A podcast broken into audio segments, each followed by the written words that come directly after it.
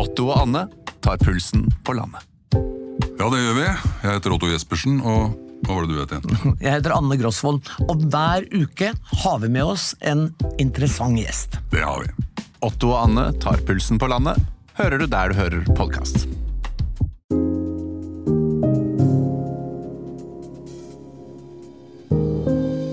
Fredrik og Kadafi, en podkast fra TV 2.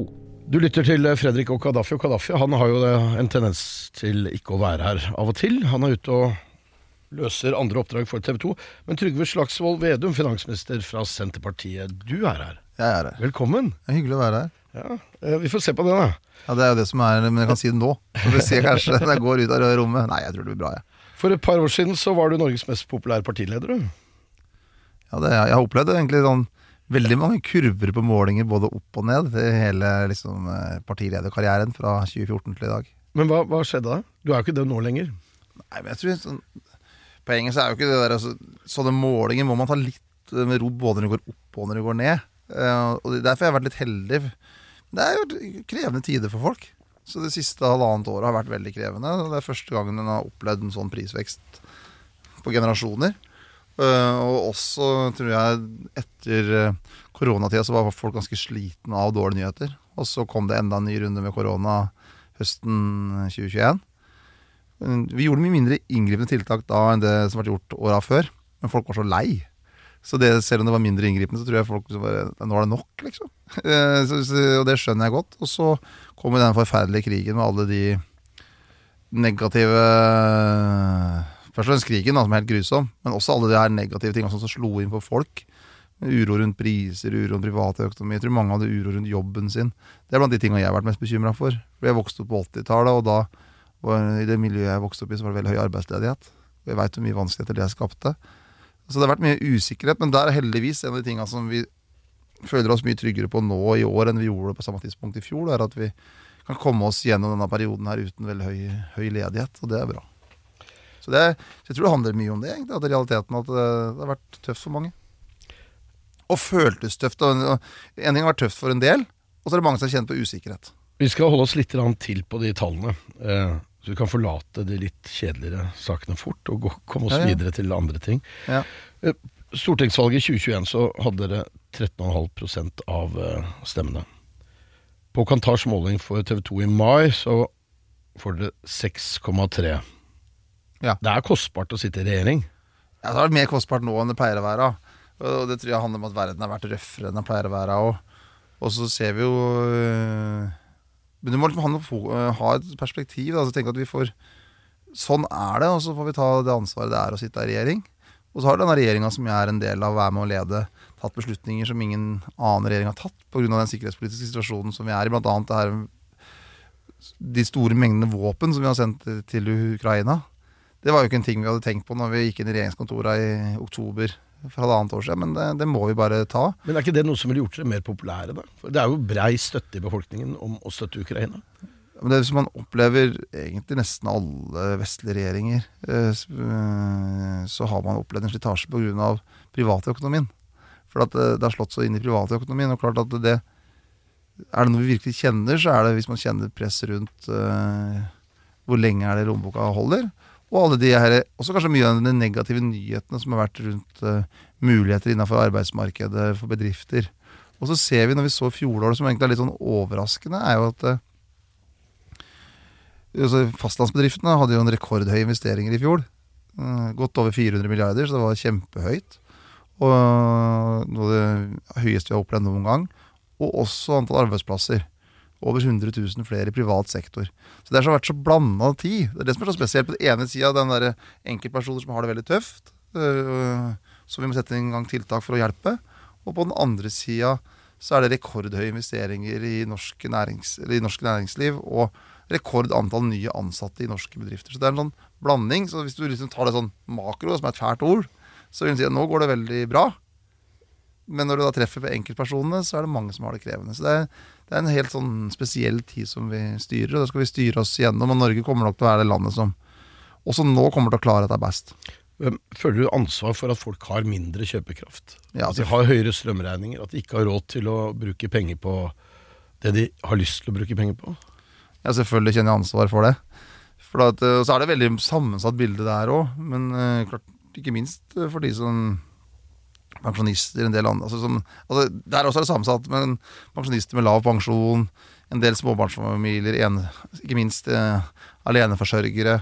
Altså, det, det, dette er det det går å tenke på, egentlig. Uh, og så vet jeg det som er det aller Det som jeg har tenkt mest på, spesielt i fjor, når det sto på som verst, det var det med ledighet. For tidligere perioder med høy eh, prisvekst, eller inflasjon, så har tvillingbroren vært høy arbeidsledighet. Og det, og det, er roten til alt ondt. ikke det vi sa? Lediggang er roten til alt ondt. Og det, høy arbeidsledighet er virkelig det, for det skaper eh, dårligere familieøkonomi, mer gnisninger i hjemmet. Altså det får så veldig mange negative bieffekter. Men, men det er jo problem med for lav arbeidsledighet også. Ja, det er den balansen vi må finne, da. Men at det er vi det, vi gleder oss over at ledigheten er så lav som den er. Og så vil den nok variere litt, eh, for at, den går litt opp, men, men på et lavere nivå enn vi er vant til. Og så er det det å klare å få flere folk inn i, inn i arbeid. Og så har vi opplevd en annen ting som vi ikke har opplevd i nyere tid. Altså at vi får 75 000 nye folk som flytter til Norge i løpet av to år. Det har vi aldri opplevd før. Hvis du skal sette det, Det er folk som kommer eh, Fra Ukraina. Fra Ukraina. Det er enormt. Eh, og det er altså I Gudbrandsdalen, hvis du inkluderer byen Lillehammer, uh, så er det 72 000. Fra altså, med byen Lillehammer helt opp til Dovre. Så, og så tenker du alle husa som er der, alle blokkene, alle rekkehus Altså alt som er der. Tømmer alt. Og fyller inn med de som har kommet inn siste til, til, til, løpet av de to år. Så er det likevel ikke nok. Uh, og det er noe jeg er glad for, da, at det har skjedd med så lav spenning. For det det stor folkevandring i en tid der folk kjenner eh, uro rundt egen priva- privatøkonomi, kan, kan ofte skape spenninger, men det har vært en veldig dugnadsinnsats, og vi har fått det til i veldig stor grad. Men så er det klart å få de folka ut av en mottakerrolle inn i jobb. Det er egentlig en av Vi trenger jo de hendene. Ja, vi trenger de hendene som bare det. Og dette er jo masse ressurser, og så er det klare å få det til. Så det er jo en av de store jobbene våre. For klart, er 75 000 mennesker da, som det er snakk om, det er, det er en stor mengde mennesker. Og da er det jo masse ressurser som bor i de. Men du sier mindre gnisninger. Dette er folk som kulturelt sett er likere nordmenn enn det andre flyktninggrupper er. Og så er det jo folk som vi i stor grad kan anta har lyst til å dra hjem igjen når krigen i Ukraina er over. Ja, Det siste tror vi. Eh, men så erfaringa altså fra Bosnia Han tenkte jo det etter krigen i Bosnia, at mange av de som kom som bosniere, skulle ha lyst til å reise hjem. Men så er jo det norske velferdssamfunnet har jo alle de fordelene det har med god skole, fritt helsevesen, helt andre økonomiske eh, muligheter. Så erfaringsmessig så reiser det færre hjem enn det man tenker i starten. Så jeg tror vi skal planlegge både for at mange reiser hjem, men også at mange eh, kommer til å bli. Selv om det er midlertidig opphold man har, så må vi også tenke at vi skal ikke tenke at de skal bare sitte i en eller annen mottak eller et eller annet liksom, fjellhotell eller et eller annet sted. Altså at vi må sørge for at flest mulig lærer norsk og kan bli eh, gode naboer og, og venner. Da. Eh, Skolekamerater. Og så er det det Du har jo vært mye i Midtøsten. Og når det er, eh, Hvis du drar til Jordan for eksempel, og du ser det enorme flyktninger som er der pga. krigen i Syria, så er det også naturlig at når det er en krig i vårt nærområde, som det nå er, da, det er et naboland som går til angrep på et annet europeisk land, så må vi ta et større ansvar. Akkurat som mange av nabolandene har gjort i Midtøsten når det har vært krig der, har de tatt et større ansvar. Så må vi som et naboland til Ukraina, eller i hvert fall naboland til Russland, men Ukraina ligger jo ikke langt unna oss, eh, ta et større ansvar eh, når krigen er rett utafor stuedøra. Og det gjør vi. Vi tjener og- vi søkker ikke på krigen eh, pga. salg av, av, av gass og olje. Er det, og høye oljepriser. Og mye av disse pengene sluses jo tilbake igjen til Ukraina. Eh, både ved at vi tar imot ukrainere her, og ved at eh, Norge gir våpen til Ukraina, og at Norge styrker eh, sitt eget forsvar. Er dette penger det føles riktig å bruke? Altså, Norge har en veldig sånn spesiell konstruksjon. At de pengene som vi tjener på olje og gass, setter vi rett inn i Statens pensjonsfond utland, og så tar vi ut penger igjen til å bruke på ja, ulike ting, da. Eh, og skulle vi ha betalt sånn cirka det vi i fjor brukte over Statens pensjonsfond utland i skatt, så måtte hver enkelt av oss betalt ca. 80 000 mer i skatt. Fy da. Ja, I god hoderegning. ja, det er ganske mye. Så for, for noen ganger så sies det at nei, dere bruker ikke oljepenger, dere bruker ingenting. Men det, det er helt feil. Så det er en enorm velstandsvekst vi har hatt takket være den uh, oljeformuen. Men så er det det at vi glatter, glatter ut over tid. For at i 2020, når du hadde koronakrisa, så var jo olje- og gassprisen helt i bånn. Og da brukte vi egentlig mye mer av de penga, for man hadde ikke så høye skatteinntekter heller. Mens nå har det vært veldig høyt, og så glatter man det ut over tid. Det er litt sånn den norske strategien. Så vi tenker ikke at det ene året det er høy gasspris, skal vi bruke mye mer penger, mens neste år så er det lav gasspris, skal vi bruke mindre. Så jeg mener det er helt riktig sånn som vi gjør det, at vi setter inn i pensjonsfondet, og så tenker vi generasjoner. Men nå går det mye penger ut til Forsvaret, altså mer penger enn det man hadde tenkt i utgangspunktet. ikke sant? Man hadde ikke sett for seg at vi skulle nå de forsvarsbudsjettene så fort. Nei, altså jeg har jo personlig, og Senterpartiet har jo brent for å styrke Forsvaret over tid, og ment at vi har eh, brukt for lite på nasjonal beredskap. Det var derfor vi satte ned både en totalberedskapskommisjon og forsvarskommisjon med en gang vi fikk regjeringsmakt høsten 2021. Men det som kan komme i tillegg, er jo den våpendonasjonen til, til Ukraina. Der vi sånn anslagsvis skal bruke 7,5 milliard kroner årlig på å bygge opp det ukrainske forsvaret. Så det er jo enorme beløp. Både at vi har gitt eh, donert mye våpen, men også i pengedonasjoner, f.eks. gjennom både et britisk initiativ og et EU-initiativ, som da kjøper inn våpen til, til, eh, til, Ukraina. Så det er jo noen beløp som vi ikke hadde trodd, men vi hadde allerede trodd at det skulle settes i gang en, den type stor krig. Uh, og Derfor så mener jeg at det er riktig at vi gjør det. Og de første beslutningene, Vi er jo den første regjeringa som har tatt beslutning om å sende våpensystemer. Og vi gjorde det veldig raskt. Heldigvis. For at Senterpartiet og, og Ap hadde felles grunntanke. Så vi klarte som land å være raskt ute med å si at vi skulle støtte Ukraina militært. Og det var jo viktig, for hadde vi eh, drevet hatt seminar om det i månedsvis i mange europeiske land, så hadde Ukraina tapt den krigen. Og Putin vunnet igjennom. Men det var vanskelige beslutninger som vi brukte. De møtene var krevende beslutninger, men jeg er veldig fortrolig med at vi valgte da, å bryte en norsk linje. Med at vi gikk fra å ikke sende våpen til en, eh, et land som var i krig, til at vi gjorde det fordi det var en del av en forsvarskamp som vi mener var legitim. Hvis vi ser forbi eh, kommune- og fylkestingsvalget til høsten, to år fram i tid, hvordan tror du sjansen er for at dere klarer å beholde regjeringsmakt? Ja, Den tror jeg er ganske god.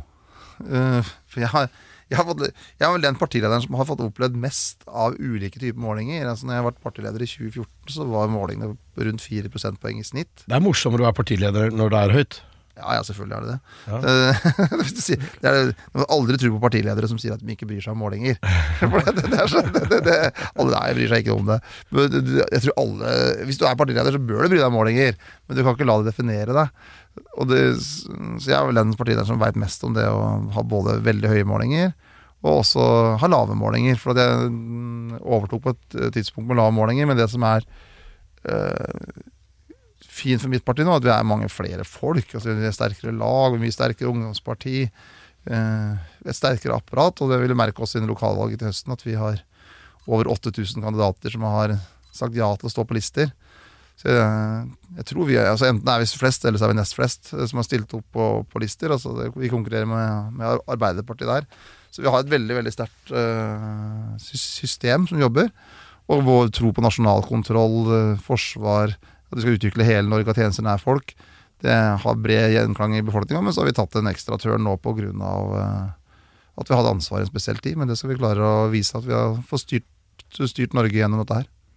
Får du visst velgerne dine at eh, Senterpartiet får gjennomslag for sin politikk i eh, regjering? Ja, mer og mer. Altså, jeg husker spesielt godt et sånt ferjeintervju jeg hadde med TV 2. Ja. For da jeg gikk ut og sa at det var gratis ferje på de minste, og halvparten på resten av eh, rutene, så rett før så var det det, det var veldig dårlig, for det var den periode jeg var dårlig. Så vi hadde sånn magekramper eh, pga. den medisinen jeg gikk på da. Og så gikk jeg ut etterpå og gjorde det intervjuet. Og da ble det sagt det var helt useriøst, og det var helt håpløst, og det var lovd altfor mye. Men nå er det sånn. Men det er klart at når vi gjennomførte det i fjor, så var det ikke naturlig å liksom, skryte så mye av det. For at det var eh, midt i Ukraina-konflikten på sitt verste, som del av det f.eks. gratis ferje, da, som da ble gjort, som ble sett på som kanskje det mest ville valgløftet jeg kom med. Eh, ikke, du bruker ikke fullt så mye tid på det når, når krigen står på som verst. Men klart at vi har gjort veldig mange sånne typer grep. For, for landets, alle landets pendlere som nå har levert skattemelding siste måneden, vil ha opplevd at de har fått helt annet skattetrykk enn de har vært vant til. For at vi har endra reisefradraget. Men klart når jeg endra reisefradraget og så var det uro samtidig om at det skulle bli en atomulykke i, Ukraina, så blir jo du mer opptatt av å takle eh, atomulykka i Ukraina, selv om vi gjør de endringene samtidig. Så det vi har gjort veldig mange grep. Men det er ikke alltid det har vært på toppen av nyheter, men vi jobber jo jevnt og trutt med mange av de sakene. Samarbeider du godt med Støre? Ja, det gjør jeg. Og, og Jonas er kanskje den personen jeg mener ofte blir litt sånn Eller statsministeren, da. Blir litt misforstått i offentlighet. At han, eh, Han heter Jonas. ja, han heter Jonas. Ja, Ja, jeg, jeg, jeg, jeg, kjenner Jonas ganske godt. Og, og han er eh, Noen liker å framstille han som litt sånn distansert. Eh, men han er en veldig varm mann. eh, interessert i folk og eh, har kjent veldig på ansvaret det siste året, og han også, for alle som har blitt berørt av denne her eh, helt spesielle tida som vi er inne i. Men eh, Så jeg opplever at jeg har et godt samarbeid med Jonas, selv om vi har for eksempel, har ulike, syn på norsk EU-medlemskap og mange ulike syn vi har, men, eh, men i bunnen så er det et godt samarbeid. Men nå er dere snart det eneste parti som er imot eh, EU-medlemskap. Så til alle som lytter på, ergo stem Senterpartiet. Nei da. Ja, vi er mot EU. Men hvis, hvis du samarbeider godt med, med Jonas, Ja. hvorfor kan du ikke samarbeide med eh, Sosialistisk Venstreparti, da? Ja, altså, vi samarbeider med dem, men jeg er bare uenig med dem. Altså, en del saker, f.eks. hadde SV vært i regjering når krigen i Ukraina starta, så hadde vi hatt masse uro internt i regjeringa om vi skulle sende våpen eller ikke. Brukt veldig mye tid på det. det nå hadde vi også diskusjoner om hva som var klokt og innramming, og sånn, men vi hadde felles forståelse, felles mål. Så i sikkerhetspolitikken så har Senterpartiet og SV veldig ulikt syn. SV har jo utvikla seg til uh, Ja, å bli det. et parti som nå er for eh, Nato-medlemskap. Ja, med masse, med masse forbehold. Ja. Hvis du ser vedtaket, så er det masse forbehold. Uh, men det tok ett år, da. Og dere skjønner jo det, for de har hatt et helt annet syn på Nato. Det har jeg stor respekt for. Men, uh, men jeg tror ikke minst i det året vi har vært igjennom, har vært en veldig fordel at vi i utenriks- og sikkerhetspolitikken, når det gjelder da, synet på Nato og hvordan man kan bidra Husk på at Nato-sjefen også har gjennomgått den transformasjonen. Ja, han gjorde det fra å start- starten av 80-tallet. NATO-motstander til å Ja. bli Nato-sjef. Det, ja, det har han gjort, og det er også fornuftig at han gjorde det. Men jeg, jeg opplever at SV og vi har veldig ulikt syn på det. Og også um, har jeg måttet respekt for at liksom, olje- og gasspolitikken for eksempel, som et annet område som er viktig for Norge, som da ligger veldig til regjeringa og styret, så har eh, SV de mener at vi måtte skal ha en mer sånn styrt avvikling av olje- og gasspolitikken. Vi mener at det er klokt at vi skal videreutvikle norsk eh, olje- og gassnæring. Litt syn på bruk og vern, og så må vi ha litt ulike Ja, for det vil ha penger. ja, og verdiskapinga. Ja. Og så mener vi det siste året har vist hvor utrolig viktig det er at det er demokratier som også driver med olje og gass. At det ikke bare er den type regimer som Putin, da, som eh, driver med olje og gass, eller med regimer i Midtøsten som er de, de store aktørene. For det, det er mye makt i å ha kontroll over energi. Og Norge eh, har mye mer makt pga. at vi er en stor energinasjon. Og hvis det bare var udemokratiske land som var store eksportører av olje og gass, hadde det vært mer sårbart. Så er jo USA og sånn er jo nå på vei opp, for de har klart å utvikle mer olje- og gassindustri i USA, men eh, i stort så er jo Norge en veldig viktig aktør der. Hvis du ikke hadde vært finansminister, hvilken ministerpost ville du da hatt? Ja, det er statsminister. Men hvis vi nå ser bort fra den, for den er vel ikke akkurat ledig? Er ikke helt ledig. Nei. Nei. Um, men um, er det en annen ministerpost du kunne tenkt deg?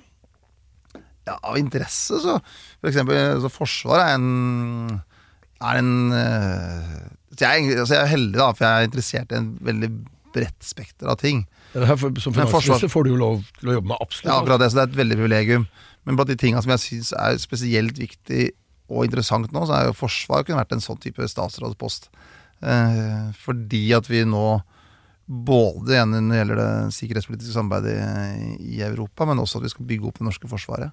Så det, er- men jeg, jeg, trives godt i den rollen jeg har. Så forsvarsminister Gram, hvis du hører på dette, så, så vet du at det er en som puster deg nakken. Puster nakken? Nei da, jeg har store Nei, så det er jo Jeg syns egentlig når jeg snakker med Nei, det er veldig Ja.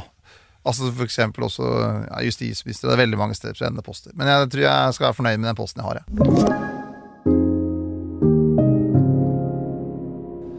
Under eh, landsmøtet i Trondheim i mars så fortalte du at eh, du hadde en sykdom.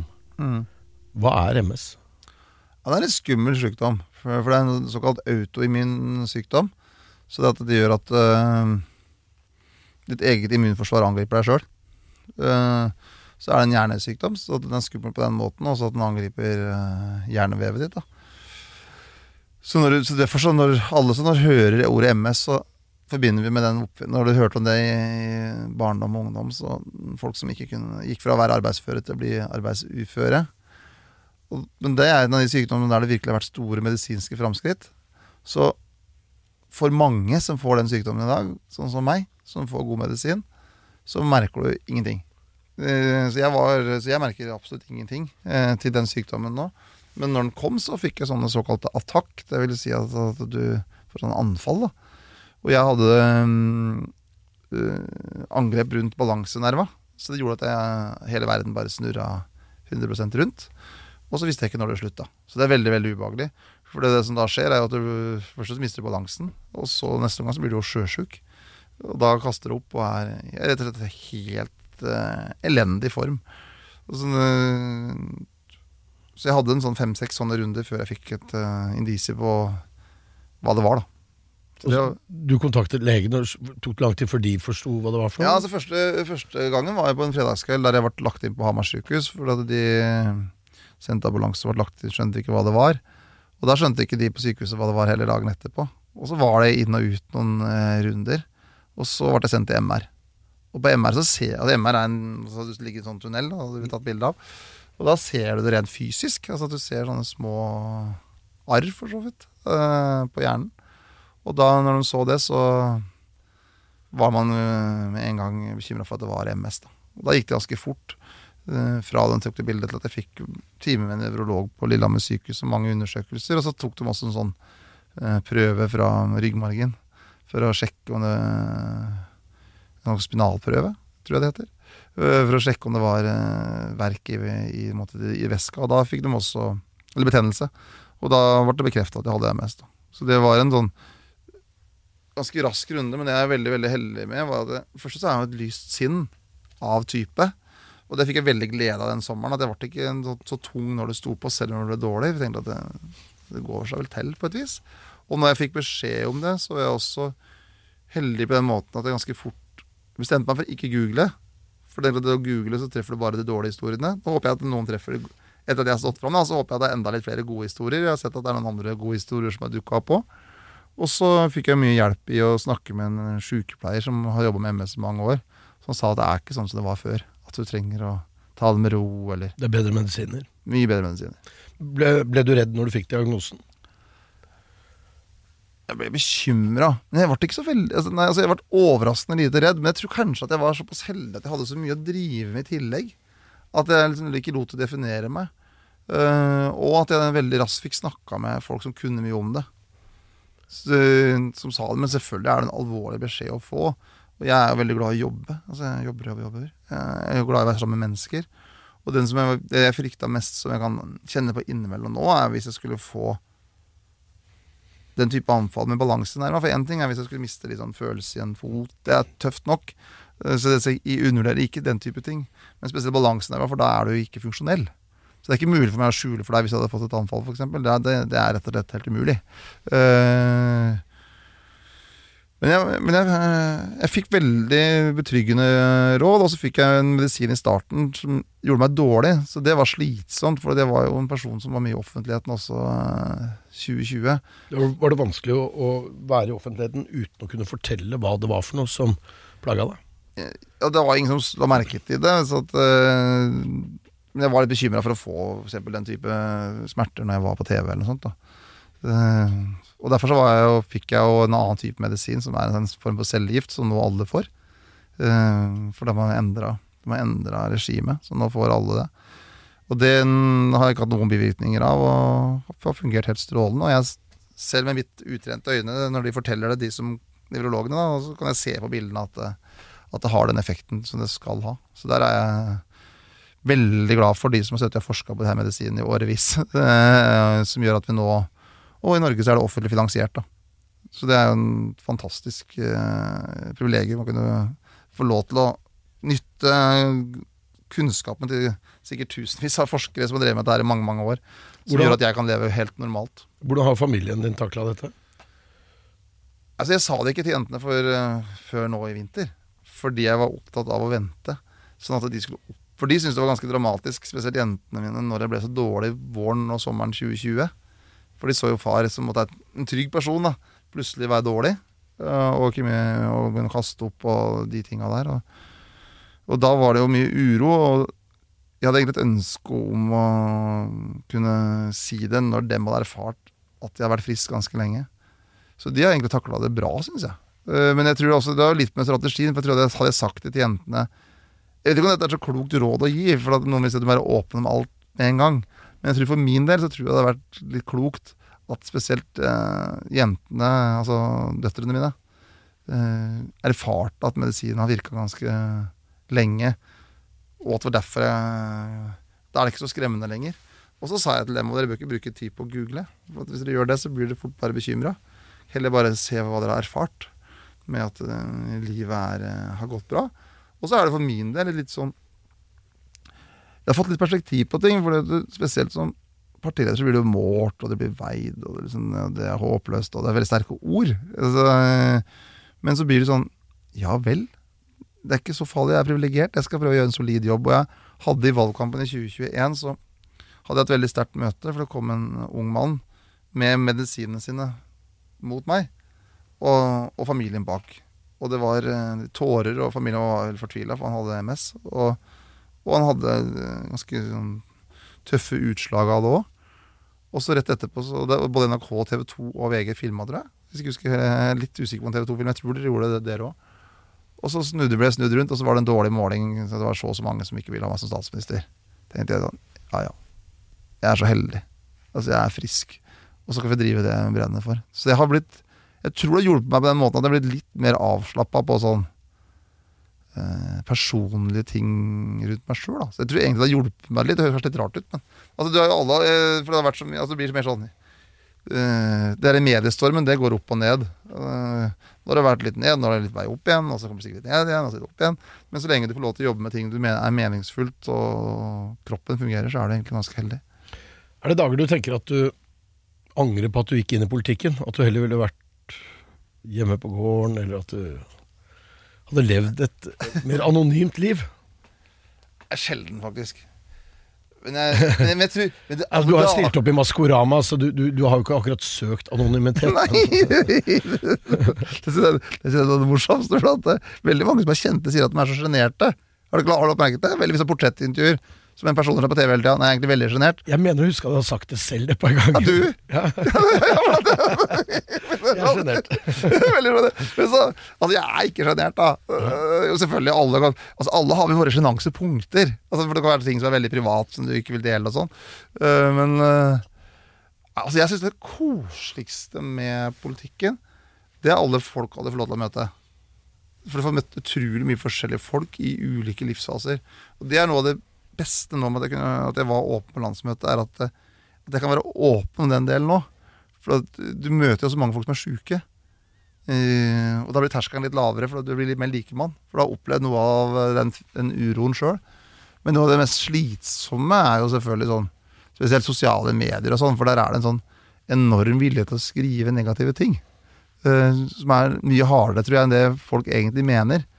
Så, så det syns jeg er litt sånn negativ utvikling med politikken. Så veldig stor forskjell fra da jeg kom inn i 2005. At jeg er viljen til å skrive ja, de aller, aller, aller styggeste ting. Eh, Det er negativt med politikken eller med media?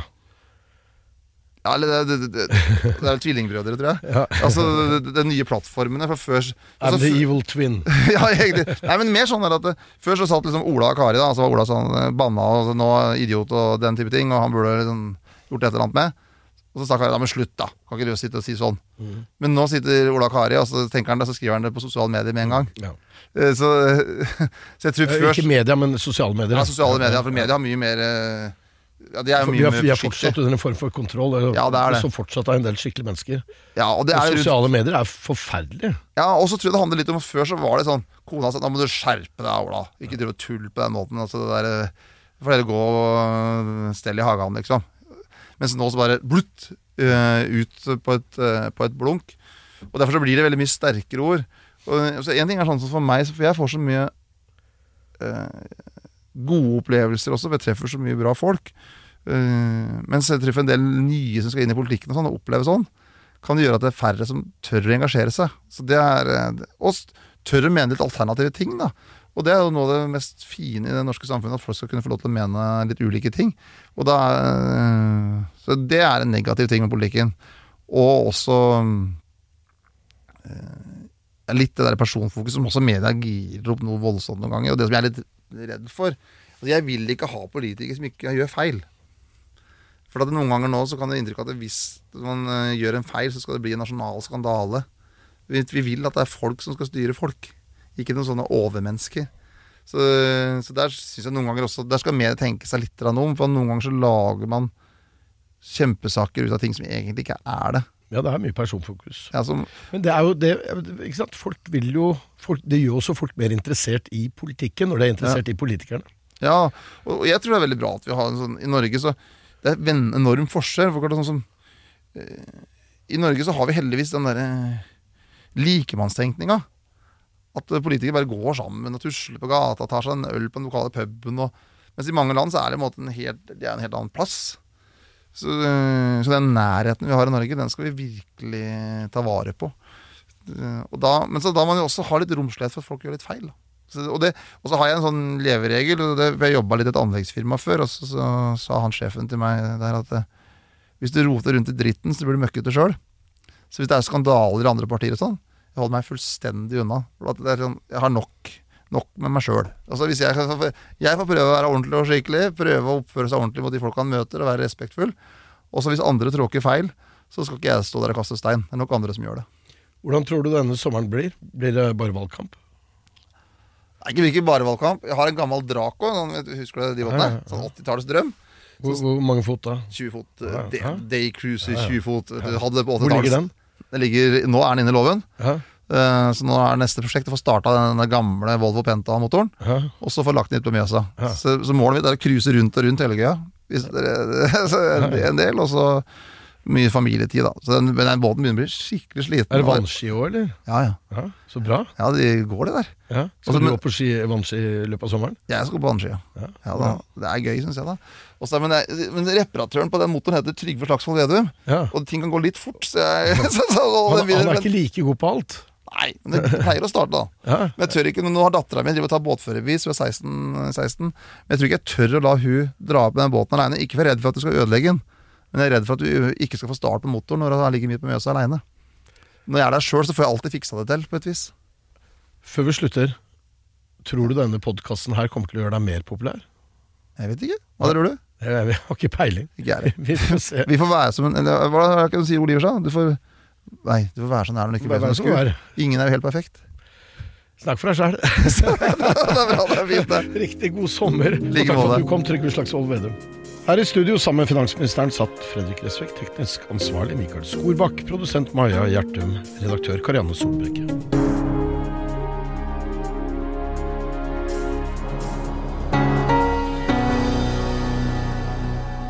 Denne podkasten er produsert av Bauer Media for TV 2.